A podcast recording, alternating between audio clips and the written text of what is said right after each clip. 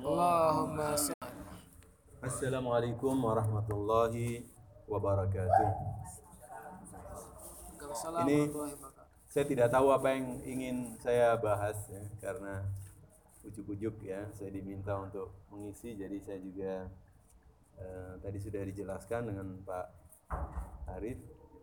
Ada pelajaran akidah kemudian ada fikih.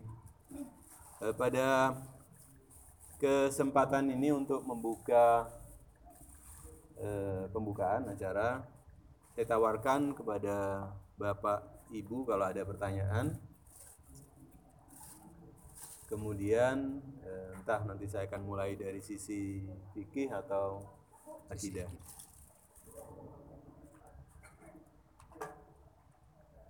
Ada yang ingin tanyakan?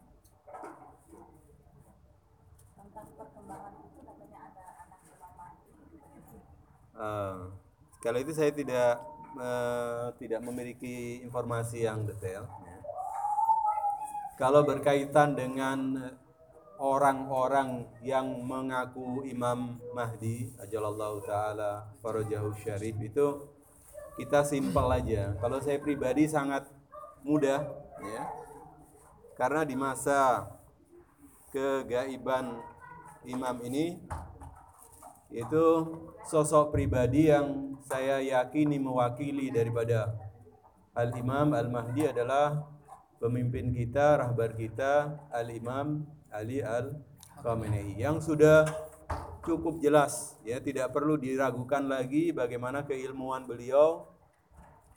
Kemudian eh, kebijaksanaan beliau, keadilan beliau ya, yang telah mampu menyiapkan kekuatan yang cukup besar ya Republik Islam Iran telah memiliki kekuatan yang cukup besar yang disegani dan ditakuti oleh seluruh bangsa yang ada di dunia. Ini sudah cukup ya kalau kemudian ada sempalan-sempalan atau orang-orang yang mengaku Imam Mahdi ya ini apalah orang gila lah gitu.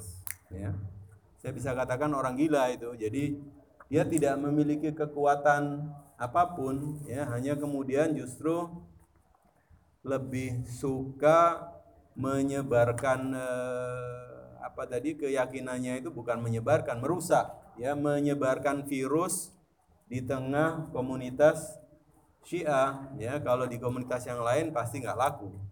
Ya, orang-orang yang menyebarkan seperti Al-Yamani dan lain sebagainya ini kalau dia menyebarkan akidahnya di tengah kalangan ahlu sunnah nggak laku dia. Ya, jadi dia lakunya kalau di tengah syiah orang yang memiliki keyakinan menantikan kehadiran daripada Al-Mahdi ajalallahu taala farajahu syarif. Itu yang pertama. Saya meyakini yang layak untuk diikuti adalah Al-Imam Ali Al-Khamenei. Kemudian kalau seandainya ada yang mengaku ya sebagai wakil atau bahkan sebagai imam dan lain sebagainya ya dia harus memiliki mujizat ya karamah. Itu yang kita yakini. Ya, imam kita al mahdi ajalallahu taala farajahu syarif ketika beliau muncul maka beliau akan menampakkan karamahnya ya mujizatnya. Mungkin kalau kita sebut mujizat nanti nggak diterima sama orang-orang sunni ya, karena mujizat itu khusus untuk nabi Mukjizat adalah artinya yang manusia tidak mampu, manusia ajaza an fi'lihi.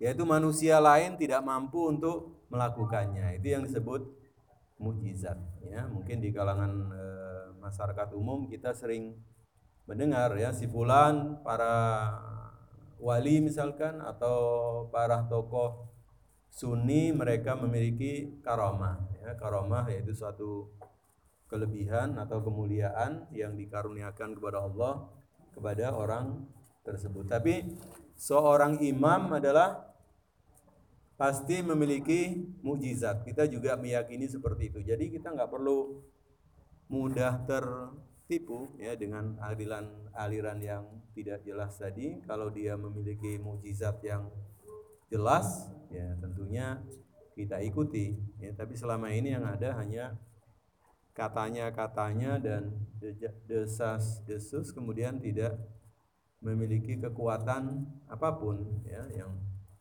yang bisa kita eh, kita lihat secara langsung.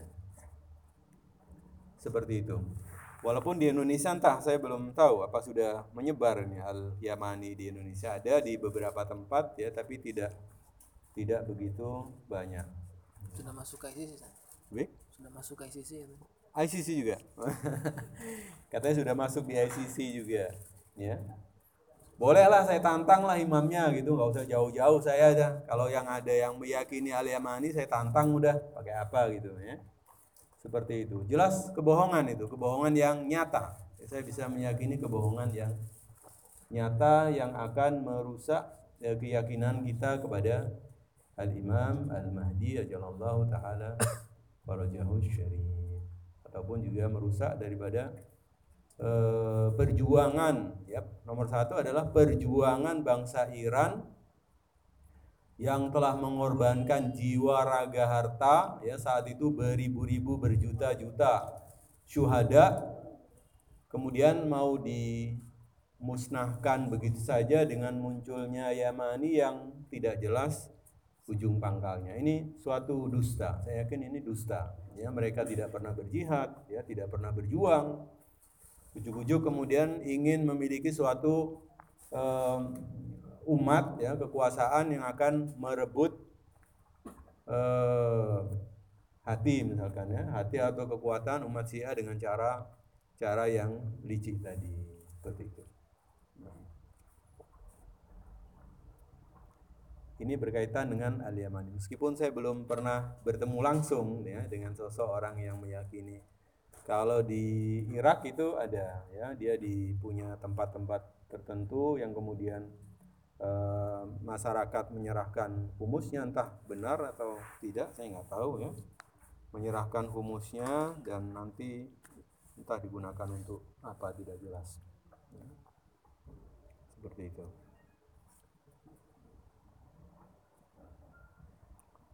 Baik, ada pertanyaan yang lain? Nah. Mungkin ini aja kali ya, apa hal-hal yang kira-kira tuh ya, agak memprihatinkan di kalangan kita gitu. Jadi misalnya akidah kita terhadap masyarakat sekitar gitu. Jangan eksklusif atau gimana karena kan sekarang semakin ini kan semakin di ya. tersempit gitu kondisinya nah. di Syiah tuh ya kita tahu kan dia dicap apa gitu. Betul. dan sikap kita malah kita malah eksklus mengeksklusifkan diri. Bagaimana sikap kita bermasyarakat misalnya kayak gitu Ustaz. Hal-hal nah. yang kritis yang kita harus lakukan. Ya Ahsan Ahsan ya. Terima kasih. Itu tadi karena saya kalau saya pribadi ya kalau berkaitan dengan masalah sosial ini memang sangat penting kan? Musuh kita ini bukan Terkadang musuh kita ya ada dari Syiah sendiri, ya internal secara internal kan ada seperti Ali Yamani. Ini kan musuh ini, ya karena dia akan mengkafirkan kita, kemudian menyalahkan kita karena tidak mengikuti dia. Ini yang eh, musuh yang internal ya. Kemudian e, kalaupun tidak sampai dengan senjata ya. Tapi kemudian ada juga permusuhan yang eksternal yang di luar ya ahlu sunnah dan itu juga tidak bisa kita katakan semua ahlu sunnah ya semuanya tidak. Sebagian kecil aja. Yang kemudian dia sangat memusuhi kita ya sering apalagi di dunia maya mungkin kita serang sering mendengar yang baru-baru ini ditahan polisi Ustadz siapa? Zainal apa? Zulkifli. Nah ya saya mendengarkan ceramahnya terakhir kemudian dia nyebut Syiah juga. Waduh ini dikit-dikit Syiah. Jadi yang sering dijual itu emang Syiah. Kita ini sering dijual jadikan barang dagangan ya yang amat disesalkan seperti itu semua tokoh-tokoh partai pun ada sebagian yang menjadikan si A sebagai barang dagangannya ya ketika mereka ingin tampil ke permukaan maka dia dengan mengatakan kalau saya menang maka si A akan saya demikian demikian demikian ya. alhamdulillah nggak laku seperti itu ya. jadi di Jawa Timur karena saya juga berasal dari Jawa Timur Seperti itu, ya sering kemudian dijadikan barang dagangan ya dalam politik dan lain sebagainya. Oleh karena itu eh, saya lebih apa namanya ya, lebih setuju kalau kita menampilkan hal-hal yang positif dari diri kita. Ya, apa pun yang bisa eh, kita lakukan ya. Karena kan musuh-musuh Syiah ini berusaha menjauhkan kita dari kelompok masyarakat. Ya, ini tujuan yang mereka inginkan yang utama adalah supaya kita jauh dari masyarakat. Ya, mereka sebarkan teror di dunia maya ataupun televisi atau selebaran supaya kita tidak sholat Jumat di tengah kaum Sunni, ya, tidak sholat Jumat bersama mereka, tidak sholat berjamaah bersama mereka, tidak bergaul bersama mereka. Ini yang mereka inginkan seperti itu. Jadi kita supaya kita takut dan mungkin mengisolasi diri, ya, akhirnya seperti itu, mengucilkan diri dari masyarakat. Tapi yang yang harus kita lakukan adalah kita senantiasa terjun ke masyarakat ya di bidang sosial kemasyarakatan apa pun bentuknya ini yang justru lebih menguntungkan. Kemudian kita bisa menjelaskan kepada mereka ya apa itu Syiah, bagaimana keyakinan Syiah. Insya Allah ketika kita memberikan penjelasan yang eh, yang rasional ya pasti dia akan menerimanya. Kan banyak itu ya. Mungkin kita dituduh anti dengan sahabat. Ini yang yang biasa ya. Syiah itu anti sahabat. Ya, kalau kita tanya sahabat itu ada di rukun Islam, rukun iman ada enggak? Kan enggak ada. Enggak ada iman kepada sahabat kan enggak ada. Atau apa itu? Antum inu billahi wa malaikatihi wa kutubihi wa rusulihi eh, wa bil yaumil akhir wa bil qadari khairihi wa syarrihi min Allahi taala. Ya, tidak ada tercantum. Jadi dengan dalil-dalil yang eh, yang sederhana bisa jadi mereka pun menerima. Jadi tidak ada kaitannya keyakinan kita terhadap sahabat dengan rukun Islam ataupun rukun iman atau dengan dalil-dalil yang lain ya. Dan dari bukti sejarah juga kita bisa memberikan contoh bahasanya tidak semua sahabat itu adalah orang yang baik ya. Bahkan sahabat dengan sahabat saling bunuh dan saling penggal kan seperti itu ya. Dalam perang Siffin, perang Jamal, perang Nahrawan. Ini yang terjadi ya. Bisa kita memberikan penjelasan ya kalau ada pertanyaan. Dan juga kita bisa mengenalkan diri dan memiliki jasa. Ya pertama adalah jasa di tengah masyarakat. Sebagaimana yang disampaikan oleh imam kita Al-Imam Ali Al-Khamenei beliau senantiasa menyampaikan wasiat beliau adalah khidmat b madum. Ya jadi kita harus berkhidmat kepada masyarakat. Ini yang senantiasa disuarakan oleh Al-Imam Ali Al-Khamenei dalam bentuk apa pun ya dalam bentuk apa pun kita bisa kita buat misalkan apa arisan mungkin ya kalau ibu-ibu atau pekerjaan-pekerjaan sosial yang lain yang bisa mendekatkan kita dengan masyarakat sehingga kemudian kita tidak dicurigai ya tidak terkesan eksklusif seperti itu kalau saya pribadi saya sering membagikan selebaran. Mungkin antum tadi ada baca haul Sayyidina Husain di bulan Muharram. Ada yang baca tadi? Itu saya sebar ya dari Jakarta sampai Jawa Timur sampai ujung sana ya Banyuwangi Bondowoso. Saya keliling dengan naik kereta api setiap stasiun saya turun saya taruh di situ ya. Kemudian terus ya kereta api kan enak itu. Kita bisa kalau di bis kan nggak bisa tujuannya. Tapi kalau di kereta kan kita bisa turun setiap stasiun ya. Ada kalanya seperti itu atau dalam kalau pas naik pesawat ya di bandara ya. Cari masjid-masjid musola-musola yang ada di bandara.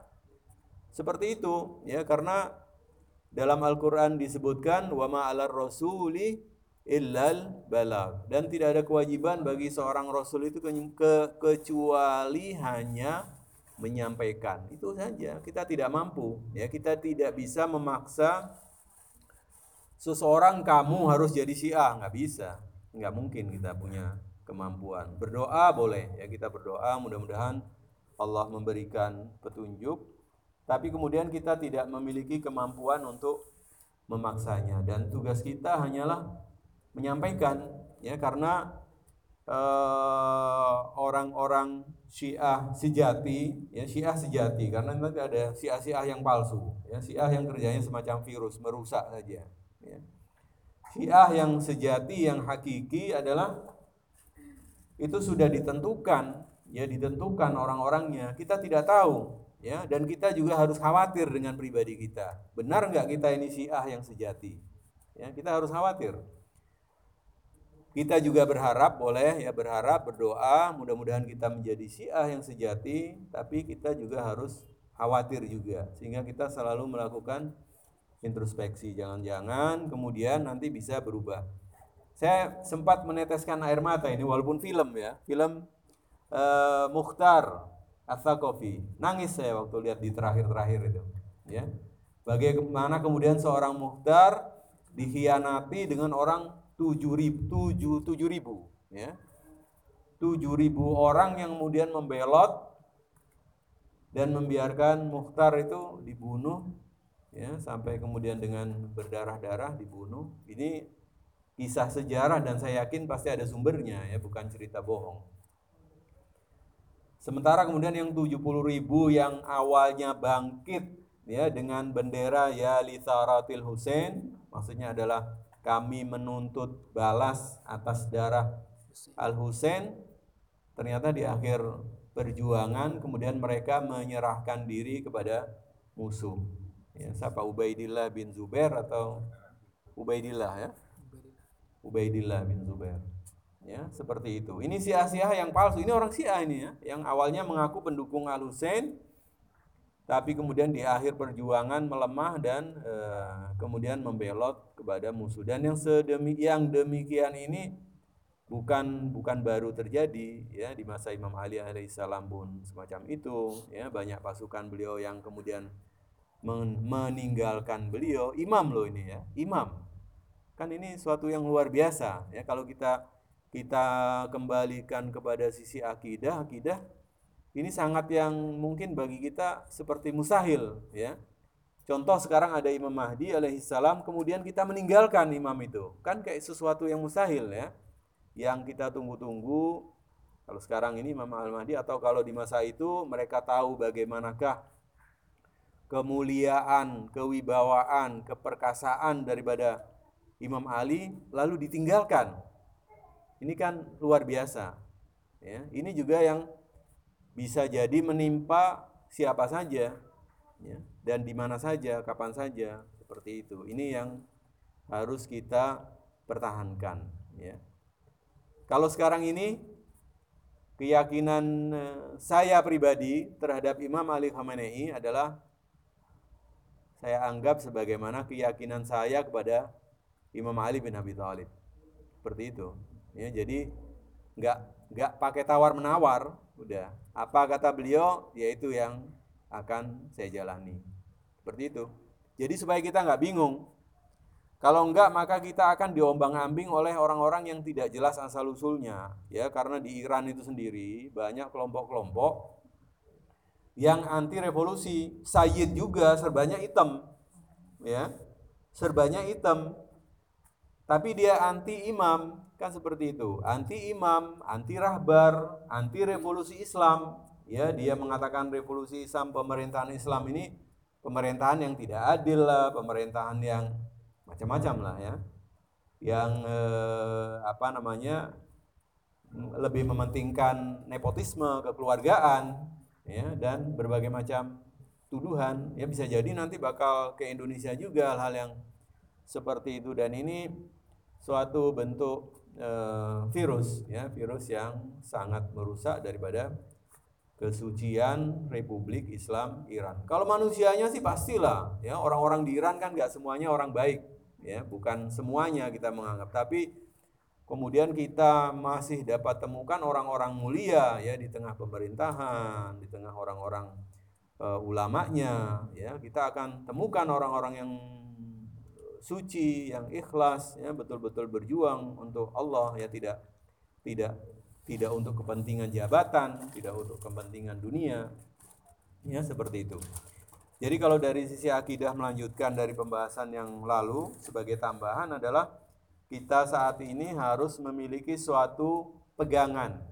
Ya, dalam hidup ini, hidup komunitas Syiah ini kita harus memiliki pegangan, yaitu kalau saya pegangan saya adalah Al Imam Ali Al Khamenei ya karena beliau lebih mengetahui. Saya tidak menafikan kemuliaan para marja yang lain ya bukan menafikan tapi yang lebih saat ini yang lebih memiliki peran sosial dan politik ya di dunia adalah tidak ada lain ya Imam Ali Khamenei ya harus diakui. Beliau memiliki kekuatan bala tentara pasukan ya kemudian dari sisi ekonomi ya jelas ya walaupun di embargo tapi tetap memiliki kekuatan ya dari sisi ekonomi. Jadi kalau kita memiliki satu panutan yang jelas, insya Allah tidak akan tergoyahkan oleh orang-orang tadi, ya eh, orang-orang yang tidak bertanggung jawab tadi al Yamani itu, yang kemudian ingin membeli keimanan kita, yang memanfaatkan keyakinan kita terhadap al Imam al Mahdi ya Jalallahu taala jauh Syarif kemudian untuk mereka ambil dan mereka manfaatkan untuk kepentingan pribadi. Itu ya yang dapat saya sampaikan jelas dari sisi sosial kita harus memiliki peran yang lebih aktif ya dengan cara apa pun menjalin persaudaraan yang betul-betul tulus ya dengan orang-orang ahlu sunnah rela berkorban untuk mereka ya dalam bentuk apa pun kemudian hadir di acara-acara dan majelis-majelis mereka. Kemudian juga kita kalau punya bukti-bukti yang bagus, ya seperti ini saya buat kalender Jokowi dengan Rahbar. Ya, ada sebagian yang menuduh saya promosi Jokowi, ya kebalik lah. ini mau promosi Jokowi, enggak lah. Saya promosi Rahbar bukan promosi Jokowi. Ya. Kalau Jokowi sudah jelas, ya. Kan di di kalangan Sia sendiri kan ada yang pecah ya, kemudian ada yang pro Jokowi, ada yang pro Prabowo, ada yang pro SBY kan seperti itu ya. Hanya kemudian jadi eh, kubu-kubu tersendiri yang sangat ya sangat aneh ya sangat lucu juga harusnya nggak sampai terjadi seperti itu ya politik itu kan permainan aja ya. Tidak ada yang serius ya. Dalam dalam berpolitik itu kan nggak ada yang serius. Semuanya kalau bahasa Arab itu softo, ya, softo aja. Cuman ya guru-guru aja, ya. Sebentar musuh, sebentar teman, sebentar lawan. Kan nggak bisa kemudian jadi permusuhan. Tapi sayangnya orang Syiah kemudian jadi musuh betulan sampai tampil di dua ini berlebihan ya. Harusnya nggak seperti itu. Karena politik bisa tadi ya kawan jadi lawan lawan jadi kawan biasa ya permainan aja dunia lah ibun kata Al-Quran ya ini yang di yang digunakan untuk Eh, para aktor politik. Seperti itu, ya. Jadi ini eh, yang kalau di Jawa Timur ya entah di Jakarta saya tidak tahu. Ya, kalau di Jawa Timur itu rahbar ya betul-betul eh, dijatuhkan kehormatan beliau. Ya, dengan mereka menyebarkan selebaran-selebaran yang gambar-gambar. Contoh ini contoh ya, mungkin yang rahbar beliau berciuman bibir dengan seorang pejuang ya pejuang eh, apa namanya itu? Veteran ya veteran. Ini yang sering mungkin ya. Ini kan peristiwa ciuman ini kan ini kalau saya kita mau apa evaluasi ya. Peristiwa ciuman itu kan sebentar ya ciuman bibir itu kan sebentar cuman satu kecupan. Tapi ketika difoto kan terus jadinya ya kemudian kesannya kan negatif seperti itu kemudian di komentari di bawahnya. Ini banyak orang awam yang kemudian termakan isu ini, terpengaruh ya seakan-akan bagaimana lah mereka membayangkan yang hal-hal yang e, negatif lah tentang beliau. Hanya kemudian ada sebagian yang saya beri videonya. Ya, kalau di videonya semakin jelas dan ini juga merupakan suatu tradisi ya bangsa Arab itu antara yang muda dengan yang tua itu biasa ciuman bibir tidak ada masalah. Bahkan dalam riwayat Karbala kan kita kita pernah dengar itu ya, ketika Sayyidah Ruqayyah alaihissalam putri Imam Husain yang semasa di di di Kufah di Astagfirullah Syam ya di Syam di hadapan Yazid ketika kepala Imam suci Imam Husain dihadapkan kepada Sayyidah Ruqayyah maka Sayyidah Ruqayyah pun mencium bibir daripada kepala suci Imam Husin. Ya. Ini suatu kebiasaan sampai kemudian meninggal. Ya, setelah mencium itu sampai dia Sayyidah Ruqayyah ini meninggal, ya pingsan dan meninggal. Tadi ya mungkin di Indonesia bukan suatu eh, adat ya tradisi atau dianggap ini sesuatu yang aneh, tapi di Timur Tengah itu merupakan. Suatu yang hal biasa ya orang tua dengan anaknya atau guru dengan muridnya yang yang akrab mungkin ya itu biasa. Nah, ini kemudian disebarkan ya di Jawa Timur ini saya lihat sendiri itu yang kemudian dan contoh-contoh yang lain. Jadi untuk menghindari atau melawan ya berita-berita bohong tadi, hoax tadi, ya harus kita tampilkan ya kita tampilkan juga gambar dan e, berita yang betul-betul bisa memberikan penjelasan dan bisa me- melawan ya berita-berita bohong tadi. Contoh misalkan seperti yang tadi saya lakukan ya saya bagikan foto-foto rahbar dengan e, presiden kita Joko Widodo ya ke tengah masyarakat supaya mereka tahu ini loh ya yang kalian remehkan itu ini loh posisinya seperti ini ya sehingga mereka bisa mempertimbangkan bagaimana itu. Atau mungkin kalau ada contoh-contoh yang lain yang yang bisa memberikan apa namanya bantahan ya terhadap apa yang mereka tuduhkan ini bisa kita lakukan ya. Karena kita semua ini nggak ada istilahnya ustadz dengan murid itu nggak ada ya. Menurut saya pribadi kita semua ini adalah ulama yang dimintai pertanggungjawaban nanti apa yang telah kamu lakukan untuk ahlul bait? Ya kita semua kita semua dimintai pertanggungjawaban ya dengan harta kita apa yang kita lakukan. Mana yang lebih banyak kita keluarkan harta kita? Untuk kepentingan pribadi ataukah untuk kepentingan agama? Ya kan? Berapa banyak setahun ini harta kita yang kita keluarkan untuk kepentingan agama untuk kepentingan ahlul bait. Ya ini yang akan dimintai pertanggungjawaban jawaban ya pertanggungjawaban seperti itu. Jadi di saat kegaiban al-imam al-mahdi ajalallahu taala farajahu syarif ini kita semua adalah memiliki tugas yang sama yaitu menyebarkan akidah atau keyakinan terhadap 14 manusia suci kemudian menyiapkan lahan bagi kehadiran beliau. Ya, mengingatkan kan kita memberi peringatan ya kepada orang-orang secara umum walaupun kita tidak berusaha untuk mensyiahkan ya karena mensyiahkan itu mungkin sulit ya apalagi kalau kata-kata syiah sudah dikenal buruk negatif itu kayaknya berat ya orang syiah itu waduh sudah alergi ya. Seperti itu. Minimal kita sebarkan kecintaan kepada keluarga Nabi. Itu yang insya Allah bisa membantu ya. Asalkan mereka tidak memiliki rasa benci kepada keluarga Nabi ini sudah cukup ya. Insya Allah dengan kecintaan itu maka di saat kemunculan daripada al-Imam Al-Mahdi ajallallahu taala farajahu syarif dia bisa ikut membantu dan mendukung. Mudah-mudahan seperti itu. Walaupun bukan orang Syiah ya. Kita usahakan untuk menjadikan orang-orang tadi memiliki kecintaan yang tulus. Misalkan kepada Sayyidah Fatimah yang tidak terkenal kan? Orang-orang sini kan jarang mengenal Fatimah alaihissalam kalau Imam Ali ya mereka meyakini lah ya. Atau kecintaan kepada Al Imam Al Hasan ini kalau dari sisi Al Sunnah Al Imam Hasan orang yang tidak ada harganya ya. Mana orang seorang sosok yang suka nikah yang harus kekuasa yang haus kekuasaan menyerahkan kekuasaannya ke Muawiyah. Ini kan menurut pandangan umumnya.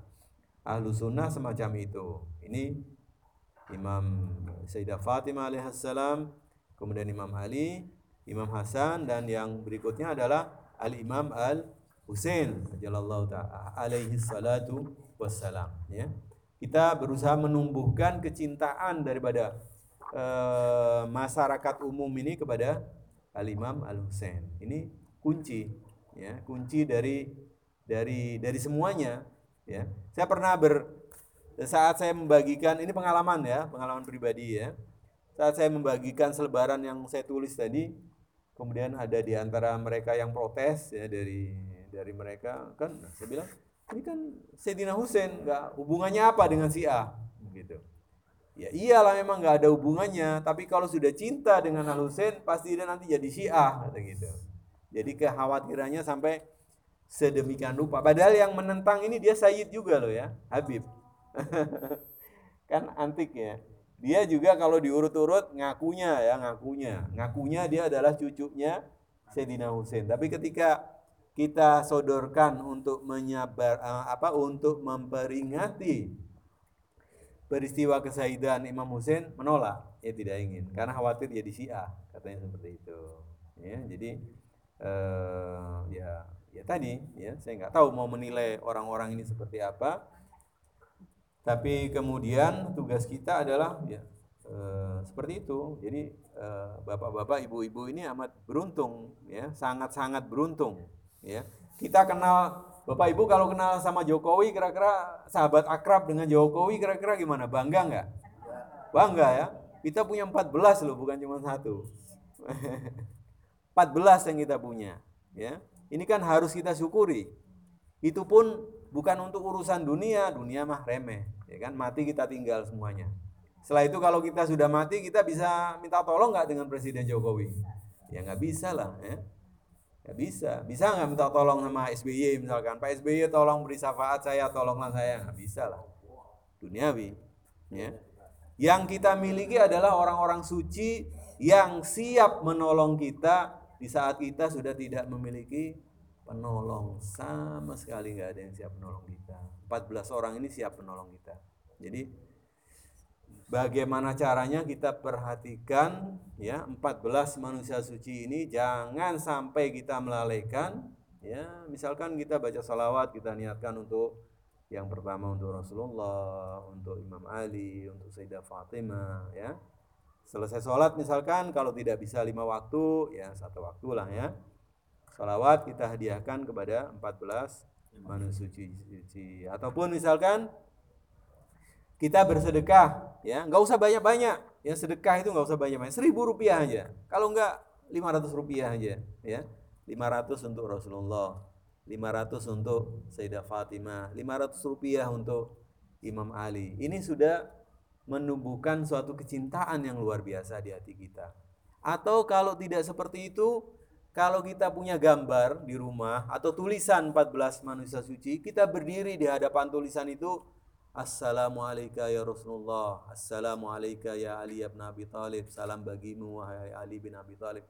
Kita beri salam satu-satu tadi Sehingga kita memiliki ikatan batin yang kuat ya dengan mereka. Jadi tulisan yang kita pasang di rumah itu Tidak sia-sia sebagai tontonan saja ya. Kita tatap satu persatu Seakan-akan kita menghadap kepada 14 manusia suci tadi Kita beri salam insya Allah yang demikian ini akan mengingatkan kita ya di saat nanti kita menghadapi sakaratul maut. Dan mudah-mudahan juga di saat kita menghadapi sakaratul maut maka ke-14 manusia suci ini akan datang menghampiri kita berdiri di sisi kita membimbing kita menerima kita untuk berangkat menuju ke alam barzakh dan di alam barzakh nanti juga mereka akan senantiasa menemani kita. Ini berkaitan dengan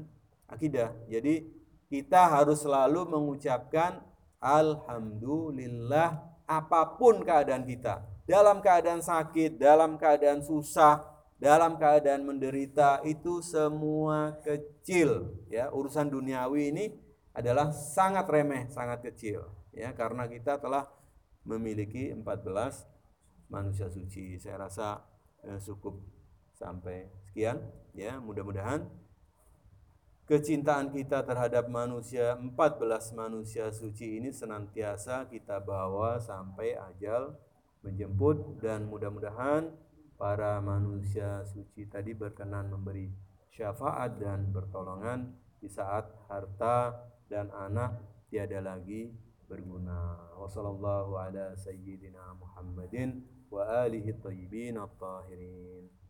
Allahumma sholli ala Muhammad wa ali Muhammad. Allahumma sholli ala Muhammad wa ali Muhammad. Allahumma sholli ala Muhammad wa ali Muhammad.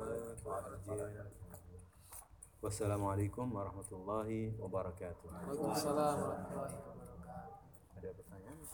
Ada. Saya nggak tahu waktunya. Masih ada? kan? Ya. Terima kasih kepada Ustaz. Boleh. Untuk eh, barangkali ada pertanyaan yang ingin disampaikan kepada Ustadz terkait dengan masalah yang tadi ataupun yang yang lain silakan. Kita masih ada punya cukup waktu kayaknya. Nah. Siapa dulu? uh, nubuah yang apa nubuah yang disampaikan kepada kita yang sesungguhnya itu Yamani dan Khurasan itu aslinya yang yang lurus Hmm. sesuai dengan Yang ada ya apa, hakikatnya. apa yang ini apa yang sesat gitu, Taib. Dalam riwayat memang Bismillahirrahmanirrahim. Dalam riwayat memang disebutkan ya nanti di akhir zaman ini ada Yamani, kemudian ada Khurasani ya. Kalau saat itu ya saat itu sebelum almarhum Rafsanjani meninggal itu eh, beliau sudah diisukan siapalah siapalah gitu diramalkan ya diramalkan. Tapi ternyata juga enggak terjadi ya beliau meninggal kan tidak ada. Itu ada sebagian orang yang meramal. Tapi kan kenyataannya kita tidak bisa tahu. Ya, kita berharap ya kita berharap Khurasani itu adalah rahbar ya beliau. Ya semoga Allah menjaganya. Khurasani kan dari Khurasan ya dari Masyhad. Beliau juga dari Khurasan. Kita berharap adalah beliau. Kemudian tadi ada Yamani ya kita tidak tahu ya. Tidak ada seorang ulama pun yang menentukan memastikan, nggak ada. Tidak ada yang berani. Jadi kalau ada orang yang saat ini memastikan, jelas bohong itu. Pasti bohong. Yaman itu yang lurus apa yang belok Nah, kalau yang Yamani yang dalam riwayat yang yang bagus, ya, Yamani yang bagus. Nanti dengan Sufyani kan gitu. Ada Yamani itu yang mendukung, ya, mendukung daripada Imam Al-Mahdi Yamani. Kemudian ada Sufyani, kan Sufyani yang diriwayatkan dari Irak, ada yang mengatakan dari Suriah, Syam. Ya kita tidak tahu, ya. Cuman zaman yang yang sekarang itu bukan asli. Bukan asli. Dia mengklaim dirinya Yamani. Kok kok bisa dia tahu kalau dia Yamani? Ya kan? Dari mana? Kemudian siapa yang yang me- menyatakan bahwasanya dia itu betul-betul yang lurus? Kan seperti itu. Ya siapa yang menyatakan? Rahbar aja beliau tidak berani, tidak pernah menyatakan bahwasanya aku adalah Khurasani kan? Tidak pernah. Ya. Beliau menyatakan aku adalah hamba. Bahkan dalam banyak banyak apa namanya riwayat beliau senantiasa menyatakan bahasanya semua yang kita miliki ini adalah akan kita persembahkan untuk Al Mahdi, Imam Mahdi ya pada tahun berapa itu saya nggak tahu pernah beliau berceramah sampai kemudian pendengarnya pada menangis ya kita akan serahkan semuanya ini semacam segenggam kemudian eh, digenggam tangan kemudian kita berikan kepada Al-Hujjah Jalallahu Ta'ala. Jadi beliau tidak berusaha menginginkan semua itu untuk kepentingan pribadi. Ya nggak ada. Unsur pribadi tidak ada. Hanya menyambung saja, melanjutkan. Ya melanjutkan dari perjuangan Al-Imam Khamenei rahimahullah. Seperti itu. Palsu, jelas palsu itu. Kalau orang mengaku aku adalah Yamani, palsu, pasti.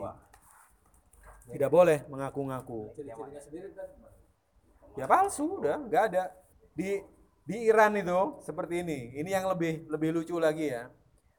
Jadi ada eh, di Masjid Jamkaran di Iran ada pelajar Iran, Afrika, kulit hitam, kemudian dia naik di atas mimbar mengaku saya Imam Mahdi. Orang ketawa semua. ya. Ternyata sakit dia, ya. Masa Imam, Imam Mahdi kulit hitam kan gitu. Jadi orang bukannya lari tambah pada berbondong-bondong terus ketawa di situ. ya kita nggak tahu ya. Terkadang orang kan terbawa itu. Ya karena keyakinan eh, apa namanya terhadap terus dia berhayal berhayal berhayal entah bagaimana cara eh, bagaimana jadinya. Kemudian sampai lupa diri mengaku mengklaim dia al mahdi ya. kan banyak orang seperti itu. Ini al yamani ini kan sama dia. Awalnya ngaku yamani. Ya dulu udah terima lama-lama nanti ngaku imam mahdi dia. Pasti arahnya ke situ. Dan ini sudah banyak. Ya orang-orang mungkin kita di Indonesia belum atau di tempat-tempat yang lain mungkin belum pernah mengalami ya kalau di Iran mah nggak laku dia orang nggak waras ini Gila. seperti itu iya karena banyak ada yang India ngaku al mahdi juga ini Afrika ya. kalau Iran mungkin ada beberapa juga ya Iran. yang saya tahu itu India sama ini tadi orang Afrika ya. Pakistan Kira-kira. ada sudah. Iya. atau Pakistan Ada siapa dulu? nyambung aja Mersa tadi, Nah. Eh, di Indonesia kemarin disebutkan itu ada apa Siwo nah, apa Siwa Gus Hidayat itu saya dulu pernah apa namanya sering di radio Ramakota radio mahasiswa kota yang di mana BTN tuh. Ya, sekarang saya juga kurang apa udah udah apa jarang lihat lagi. Kalau di websitenya dulu itu juga pergolakan pemikiran ya, kurang Hmm. Katanya ada bocoran dia juga apa namanya mengikuti masalah yang kaitan dengan Yamani Nah. kurang lebih Pak. enggak maksudnya ada mungkin ada informasi lain gitu Dan, tentang Yamani ini ya. Abu Hidayat kaitan dengan Yamani Saya nggak nggak tahu itu itu eh, detailnya saya nggak tahu. Tapi ya yang perlu di, diwaspadai tadilah kalau kita sudah punya rahbar ada apa sih mau ikut-ikut yang lain kan gitu. Mungkin kita yang lebih yang apa mungkin agak agak agak agak sulit ya untuk menjelaskan orang-orang yang kemudian belum eh, imamiyah tapi dia tidak tahu apa itu bertaklid kan? Apa itu arti marjaiyah ya seorang marja. Ini mungkin yang kemudian gampang dikelabui ya. Tapi kalau kita sudah mengenal marja taklid itu adalah orang yang diikuti apa pun yang diucapkan ya kita nggak terpengaruh lah. Mau ada seribu yamani nggak ada urusan ya. Semacam kita bertaklid. Misalkan kita bertaklid dengan rahbar. Kemudian ada marja lain yang memberikan fatwa yang berbeda dari fatwa rahbar. Ya kita nggak masalah kan, nggak masalah silahkan. Tapi saya tetap menjalankan apa yang disampaikan oleh rahbar. Kan seperti itu. Jadi tadi kalau kita sudah meyakini atau bertaklid kepada rahbar atau bertaklid kepada Ayatullah Sistani ya atau para ayatullah yang lain yang mereka bisa bekerja sama dengan rahbar ya jelas tidak akan tidak mungkin terpengaruh ya dengan tidak akan galau tidak akan galau lah ya dengan isu-isu seperti ini. Isu murahan ini ya. Nah, nah, Ah, kalau masalah tadi gambar Pak Jokowi dengan Rahlan, nah, apa ini tidak terlalu berani hmm, kita menyandingkan Pak Hmm. Jokowi dengan Rahlan. hmm, hmm, hmm, Sementara kita tahu persis ya hmm, betapa banyaknya, hmm, apalagi sekarang hmm, yang tidak suka dengan Syiah. hmm, hmm, Sementara ini katanya tahun politik. hmm, hmm, Tanpa itu aja Pak Jokowi begitu hebat musuhnya, Hmm. lawannya. hmm, Lantas kalau begini nanti kesan mereka gimana tuh hmm, Ah, kira-kira. Mungkin kalau kita sih ah, semacam menghibur lah ya. Nah, Hmm. ini ada foto Pak SBY dengan Rahbar. Tapi kan kita juga nggak bisa gini kan. Ada Pak SBY. Ada ya. Megawati juga ada. Nah, ya. Tapi kita nggak juga bisa jadikan satu apa gitu ya, satu kebanggaan gitu kan. Nah ini Pak Jokowi yang lagi sedang ini kesannya gimana nanti pada Pengikutnya gitu ya. Ah, Hanya orang nggak pada milih Jokowi gitu. si A. Wah, berarti kita menggembosi Jokowi. Kan ah? Iya, kan seperti itu kan ya. Negatif ya untuk Pak Jokowinya ya. Jaga kemungkinannya nih Ustaz. Oh iya, pastilah ya. Pasti lawan-lawan politik kan dari dulu. Kalau si A dijual dari dulu, saya bilang kan. Zaman eh, pemilihan yang lalu-lalu itu si A udah dijual terus ya. Di ke mana di Jawa Timur atau pemilihan di Jakarta sama lah ya. Isunya pasti si A. Nanti si A akan kita berantas, si A kita basmi dan lain sebagainya. Baru supaya menaikkan rating eh, tadi peringkat ya pemilih ya.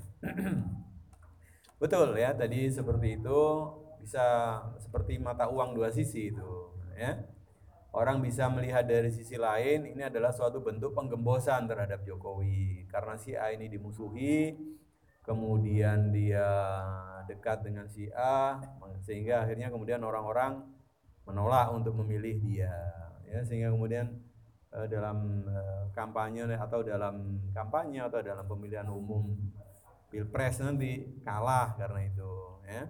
Bisa aja ya orang berpendapat demikian. Nah, ini kan kenapa seperti itu? Ya karena si A itu jelek kan gitu. Jadi seakan si A, si A itu suatu apa benda yang berbau busuk gitu mungkin ya kalau ditempelnya terasi lah mungkin kayak itu si A itu terasi udahlah gitu ya jangan lebih dari itulah jangan Jadi kalau ke mana-mana itu menimbulkan bau yang kurang sedap mungkin, walaupun bagi sebagian sedap ya. Jadi ya nggak masalah, ya. Kalau untuk saya nggak masalah, ya karena contoh sekarang misalkan eh, ketika beri, eh, kedatangan Raja Salman di Indonesia yang notabene Wahabi kan ya, penyuplai Wahabi, kemudian penyuplai dana untuk teroris ISIS dan lain sebagainya kan dari Saudi ya. Itu mereka datang dan beritanya sampai ke mana-mana itu ya kan? Saya waktu itu di kantor kelurahan aja di Jawa Timur di Malang saya masih ingat itu. Wah, semua bicaranya Raja Salman ya. Tapi kenapa kemudian ketika kunjungan dengan Iran Rahbar nggak ada beritanya? Di koran pun kita sulit cari beritanya. Kalau di televisi mungkin di Ranintek aja ya. Ranintek itu kunjungan Jokowi kita kurang informasi ini ya. Informasi kita ini kurang kita sebarkan ke masyarakat ini. Televisi siapa yang mau? Demo aja. Seringkali kita demo Al-Quds ya, itu kemudian nanti ditulis demo PKS, demo HTI. Padahal yang demo sih A. Tapi ditulisnya HTI. Itu sering dicatut seperti itu ya di Metro ataupun di TV One atau di yang lain ya sampai kita jengkel ataupun ditampilkan nanti sekaligus rame-rame ya sebentar aja kemudian hilang. Kalau dulu kan kalau HTI demo kan pasti sampai dari A sampai Z itu nggak berhenti terus ya kalau HTI demo. Ya karena mereka menguntungkan eh, tadi media ya mereka ada dana untuk media seperti itu. Kalau si A kan nggak ada dananya pahit ya. seperti itu. Jadi kita kurang informasi. Kalau ternyata ya ternyata ini kita menyebarkan foto Presiden Pak Jokowi kemudian Presiden eh, nggak terpilih kembali ya nasibnya Presiden lah. Ya. Kita kan untuk menyuarakan ini bahasanya kita Syiah ini punya kekuatan ya bukan kelompok sempalan kecil-kecil kayak Ahmadiyah yang bahlul-bahlul gitu enggak ya Syiah ini suatu yang luar biasa loh kita harus bangga loh jadi Syiah Ya, harus bangga, bukan minder, takutan. Jangan bangga. Alhamdulillah jadi Syiah. Kita punya kekuatan yang bisa mengalahkan insya Allah seluruh dunia. Karena Iran itu bukan main-main loh. 8 tahun ya waktu itu. Itu baru awal-awal revolusi ya. Kalau kita bicara tentang Syiah, ini bukan kita mau menyebarkan revolusi di Indonesia ya. Nggak ada lah rencana seperti itu. Ya. Kita kan bukan orang yang semacam itu. Orang yang Syiah adalah kaum yang cinta damai kan seperti itu. Jadi saat itu kan pemerintah Iran ya rakyat Iran bangkit untuk melakukan reformasi. Seperti di Indonesia reformasi kan ada kan? Ya sama, Iran waktu itu revolusi yang dibilang revolusi itu itu adalah reformasi seperti di Indonesia.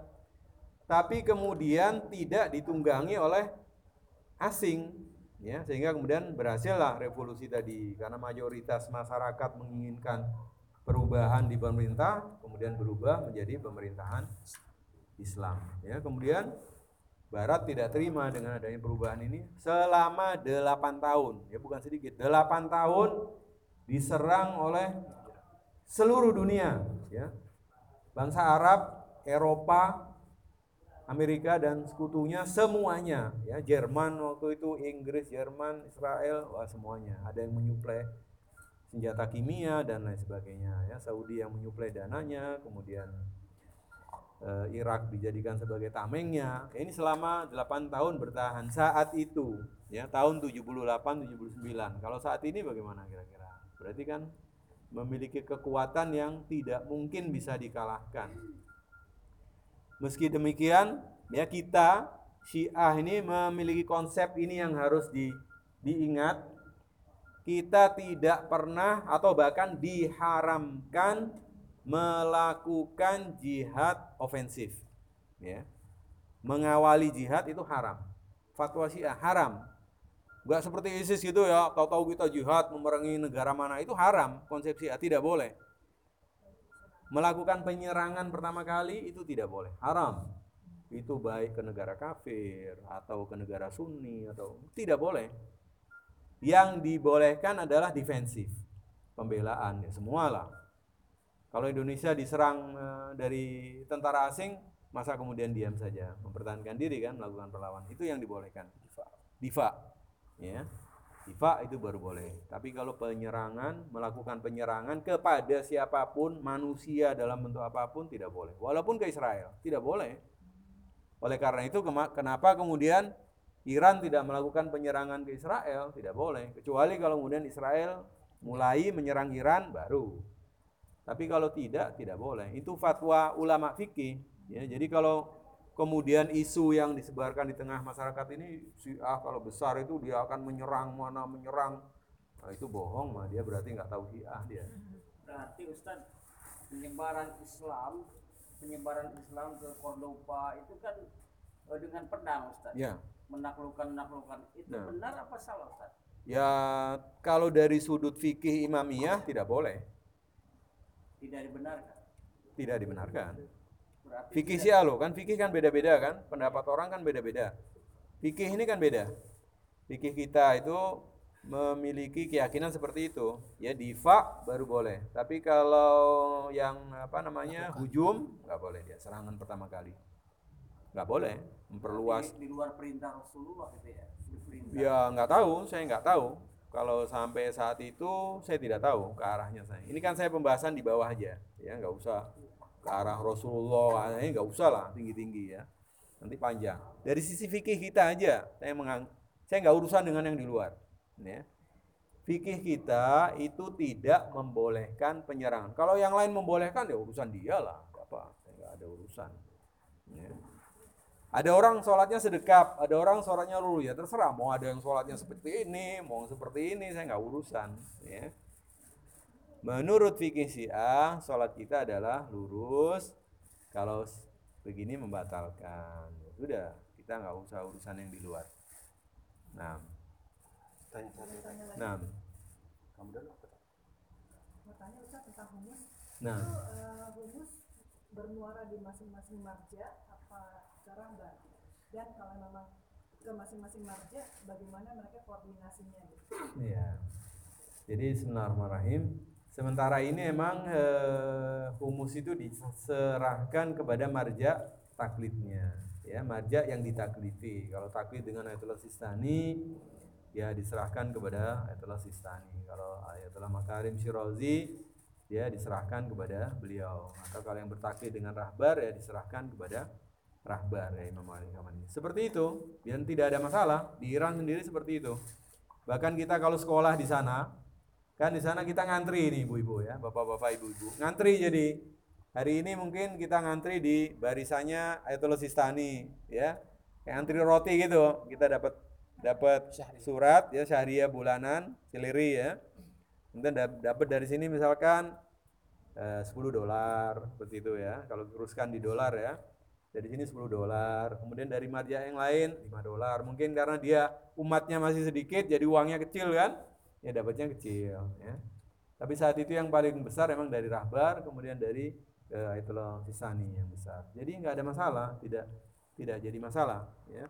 Setiap marja itu berhak menerima humus dari orang-orang yang bertaklid kepada beliau.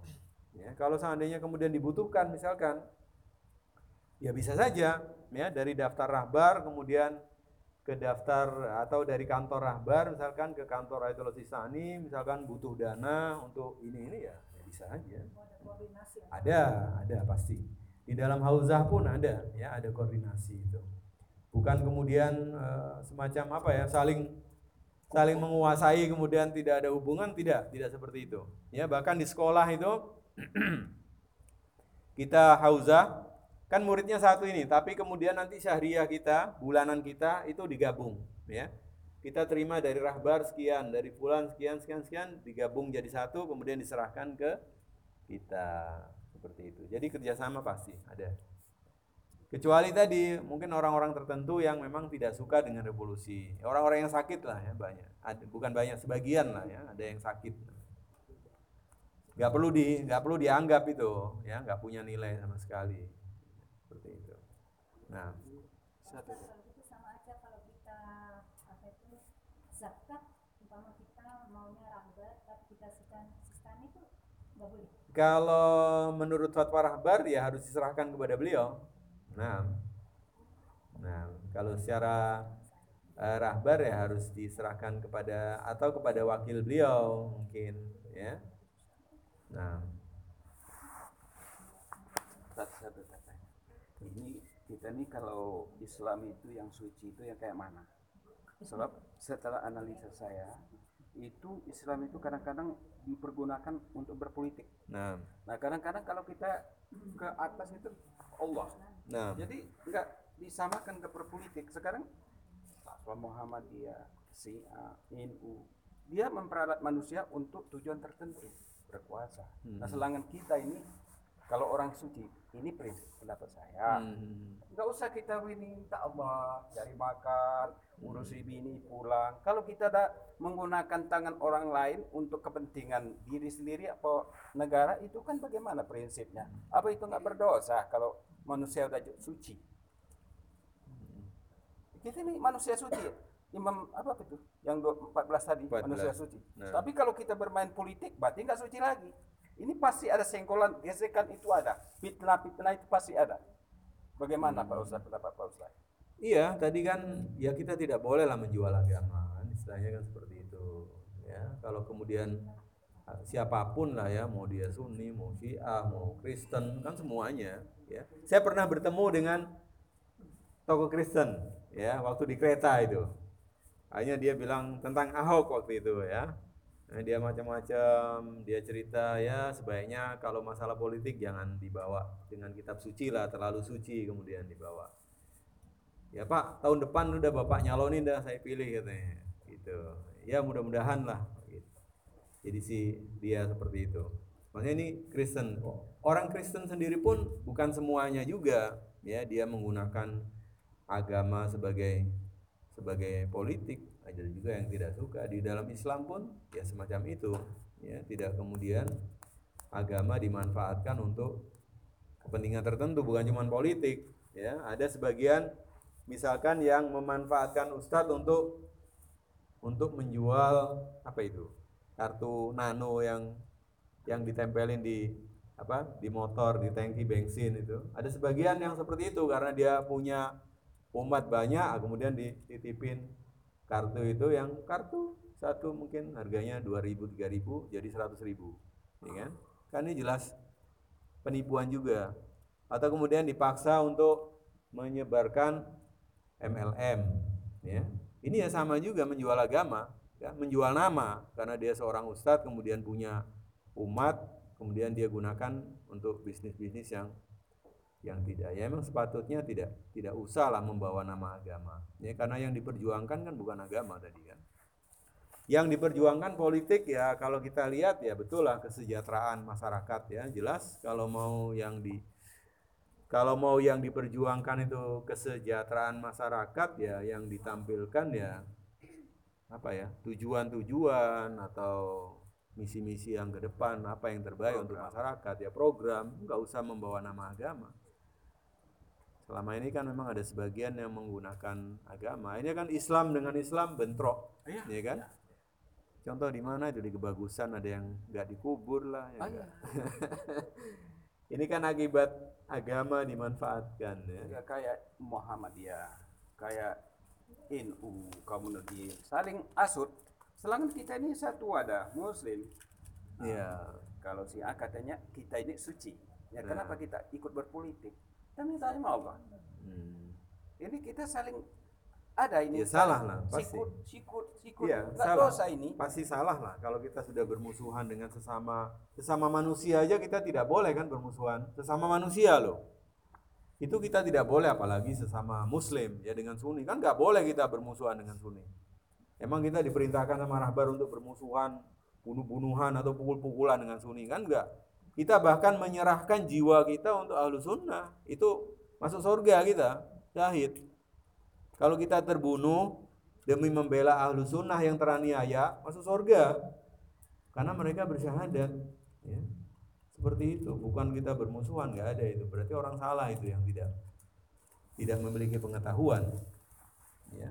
Jadi perjuangan kita untuk membela semuanya ya tidak tidak kemudian ahlu sunnah saja. Manusia ya rahbar atau Imam Humaini rahimahullah perjuangan beliau adalah perjuangan kemanusiaan. Yang namanya manusia yaitu dibela ya. Apa pun bentuknya apa pun rasnya apa pun agamanya.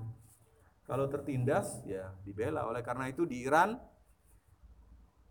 yang syahid waktu perang Iran Irak itu kita bisa temukan orang Yahudi ada, orang Kristen ada, orang Majusi ada, semua semuanya berjuang. Ya, jadi Republik Islam Iran itu bukan milik yang Sunni juga berjuang. Berjuang. Memang dalam akidah mereka beda, tapi dalam hidup berwarga negara mereka satu. Ya, coba kalau kita bisa mungkin bapak-bapak, ibu-ibu bisa sempat berziarah ke Zahedan di Iran yang berbatasan dengan Pakistan atau Afghanistan itu maka kita akan temukan ya bagaimana rahbar mengelola mereka, memberi yang sebelumnya mereka tidak memiliki apa tidak mendapatkan uang bulanan ya kemudian dikelola sehingga mendapatkan uang bulanan ya santunan dan lain sebagainya ya dengan cukup bagus. Seperti itu. Jadi tidak ada permusuhan dengan Sunni seperti yang diisukan di sini itu nggak ada bohong. Ya, ini yang mungkin perlu kita luruskan ya kalau kalau ada kesempatan mungkin kalau ada yang mau diajak ke sana ya bisa koordinasi dengan saya hakim kemudian bisa melihat langsung bagaimana situasi kan banyak ulama yang ketika datang ke Iran ternyata yang dia lihat beda dengan apa yang mereka baca di media ya, sangat jauh berbeda nah Pak mungkin ada pertanyaan. Iya macam ini.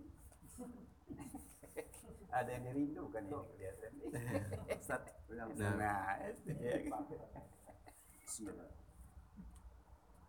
Kebetulan saya seminggu lalu baca Quran surah Al Imran ayat 61. Di situ menceritakan tentang Rasulullah bermubahalah nah dengan orang Kristen. Kristen. Saya tidak akan bicara tentang peristiwa itu. Yang jelas bahwa orang Yahudi, pendeta Yahudi itu ketika melihat kehadiran Rasulullah bersama lima orang, lima orang dekatnya, Ali, Fati- Imam Ali, hmm. Fatimah, Hasan dan Husain dan Nah. Rasulullah sendiri. Ketika itu gemetarlah hati orang Kristen itu nah melihat cahaya yang terpancar di muka mereka sehingga gentarlah mereka untuk bermubahalah. nah Nah, lantas saya ambil tafsirnya dari tafsir Quran yang diterbitkan oleh ICC hmm. bahwa uh, peristiwa itu menunjukkan kemenangan besar bagi Rasulullah yang mempertahankan pendiriannya bahwa Nabi Isa itu adalah manusia biasa. Lantas ada pesan di akhir pembahasan itu bahwa peristiwa mubahalanya Rasulullah itu sebenarnya dapat kita pakai untuk mempertahankan akidah kita. Seperti masa zaman-zaman masa kini sudah capek kita disesat-sesatkan, Hmm. bahkan dikafir-kafirkan. Nah, tentu mereka punya alasan Kenapa dia mereka mengkafirkan kita, menyesatkan kita? Karena mereka benar, Hmm. kita yang salah. Pertanyaan saya, apakah tidak ada kemungkinan kita tantang mereka, kita berbumbah Allah. Nah, kebetulan Ustaz kan punya otoritas. Sebagai Ustaz punya channel untuk menghimpun kekuatan kita ini. Sehingga mereka berhenti cuap-cuap mengkafirkan kita. Kira-kira memungkinkan nggak begitu kita laksanakan berbumbah Allah dengan mereka ya Ustaz? Demikian Pak Ustaz. Iya. Kalau saya pernah itu, ya, pernah saya praktekkan sekali aja tapi nggak ngulang lagi. Gitu, ya. Eh, sudah jengkel itu ya dengan beberapa keluarga sendiri ya. Sudah udah nggak pakai AIU, nggak pakai mubahala itu pak kalau saya, pakai Al-Quran aja. Kita sumpah Quran aja, ya. Siapa yang benar, siapa yang salah, kan sudah diskusi panjang lebar tuh. Nggak berani dia, udah kalau emang saya yang salah ya apa namanya saya yang didapat balasan lah ya siap menerima balasan dari Allah kalau kamu yang salah ya siaplah menerima balasan dari Allah pakai Quran aja lah nggak pakai yang macam-macam nggak berani dia oh nggak bisa lah seperti itu dia jawab itu ya. kita kan harus diskusi harus ini nggak bisa kalau cuma pakai Quran taruh atas itu nggak bisa oh berarti kamu menghina Al-Quran dia bilang gitu sudah jelas kamu nggak menghormati Al-Quran Al-Quran kamu remehkan seperti itu ya. Kan ini kita sudah tahu nilai dia. Ya kalau dia berani ya alan wasahlan lah silahkan kita biar ngelawan Al-Quran. Ya. Tapi biasanya mubahala ini ya enggak gimana ya? Ya bisa dilakukan, bukan nggak bisa, ya bisa dilakukan. Tapi kemudian nggak memiliki hasil yang yang maksimal tadi. Ya, yang yang yang terbagus ya emang dengan diskusi yang jelas ya sehingga men- menghasilkan dalil yang yang kuat, yang logik ya. Bisa aja dan umumnya mereka akan akan ya ngeles lah. Ah contoh aja. Ustadz Labib. Ya Ustadz Labib.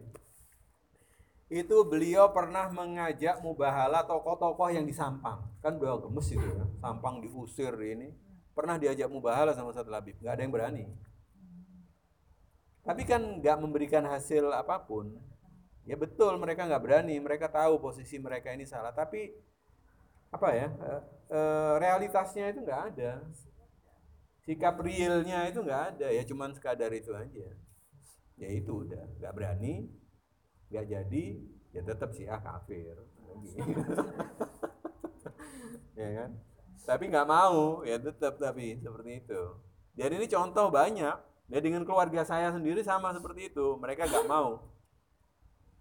Mubahala nggak mau tapi ya tetap syiah sesat. Ya jadi ya percuma ya tidak memberikan hasil apa pun Udah ini susah. Iya, malah saya ditantang waktu itu ditantang di masjid. Lah, masjid tentukan waktunya dah. tentukan waktunya di Masjid Malang waktu itu. Iya dah, tentukan waktunya kapan saya hadir. Nggak jadi, mau ngomong kosong aja, nggak mungkin lah dia berani. Ya nggak mungkin berani. Seperti itu.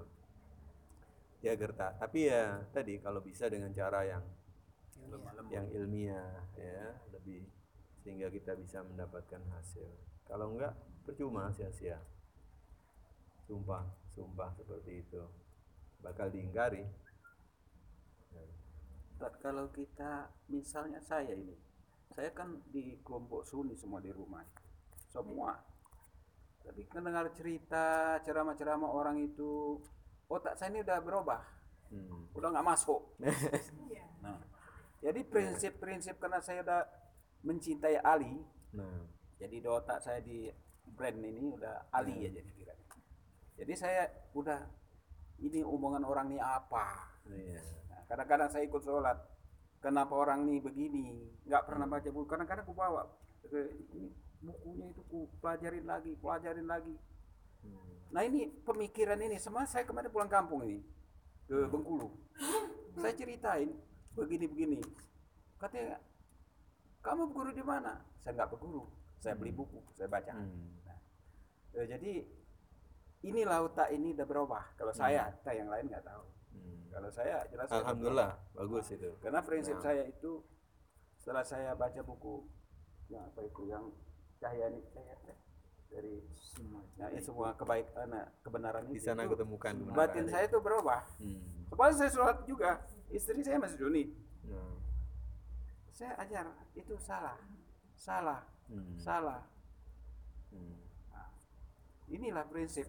Jadi susah gak karena saya mungkin saya keras, mungkin nggak tahu ya. Hmm. Kalau dia AA aja, kalau BB aja nggak bisa berubah-ubah mungkin. Nah itu. Jadi udah digambling otak saya itu, udah susah gitu. Dengar orang ceramah-ceramah itu kalau itu Hambar masuk. ya. Kita biasanya kalau dengar ceramah yang lain jadinya hambar. Iya, ya. benar. Nggak ada bumbunya gitu kan, rasa nggak ada rasanya. Itu saya kasihan orang-orang Sunni, orang Muhammadiyah, orang macam-macam.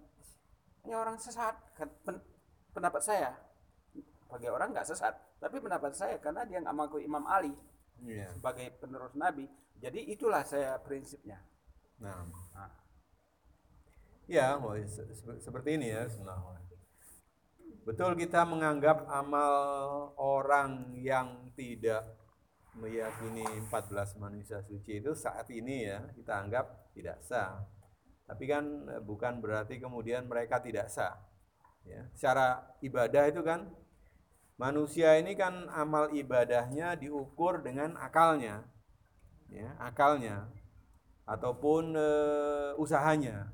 Ya, jadi contoh saya misalkan, ya di usia berapa puluh tahun kemudian menjadi sia. Apakah kemudian amal ibadah saya yang lalu itu tidak sah? Sah, tidak harus dikodok. Ya, kan seperti itu nggak harus dikodok. Jadi ya nggak perlu dikodok, sah. Ya, karena yang saya lakukan. Rabbana taqabbal minna innaka antas samiul alim. وتب علينا إنك أنت التواب الرحيم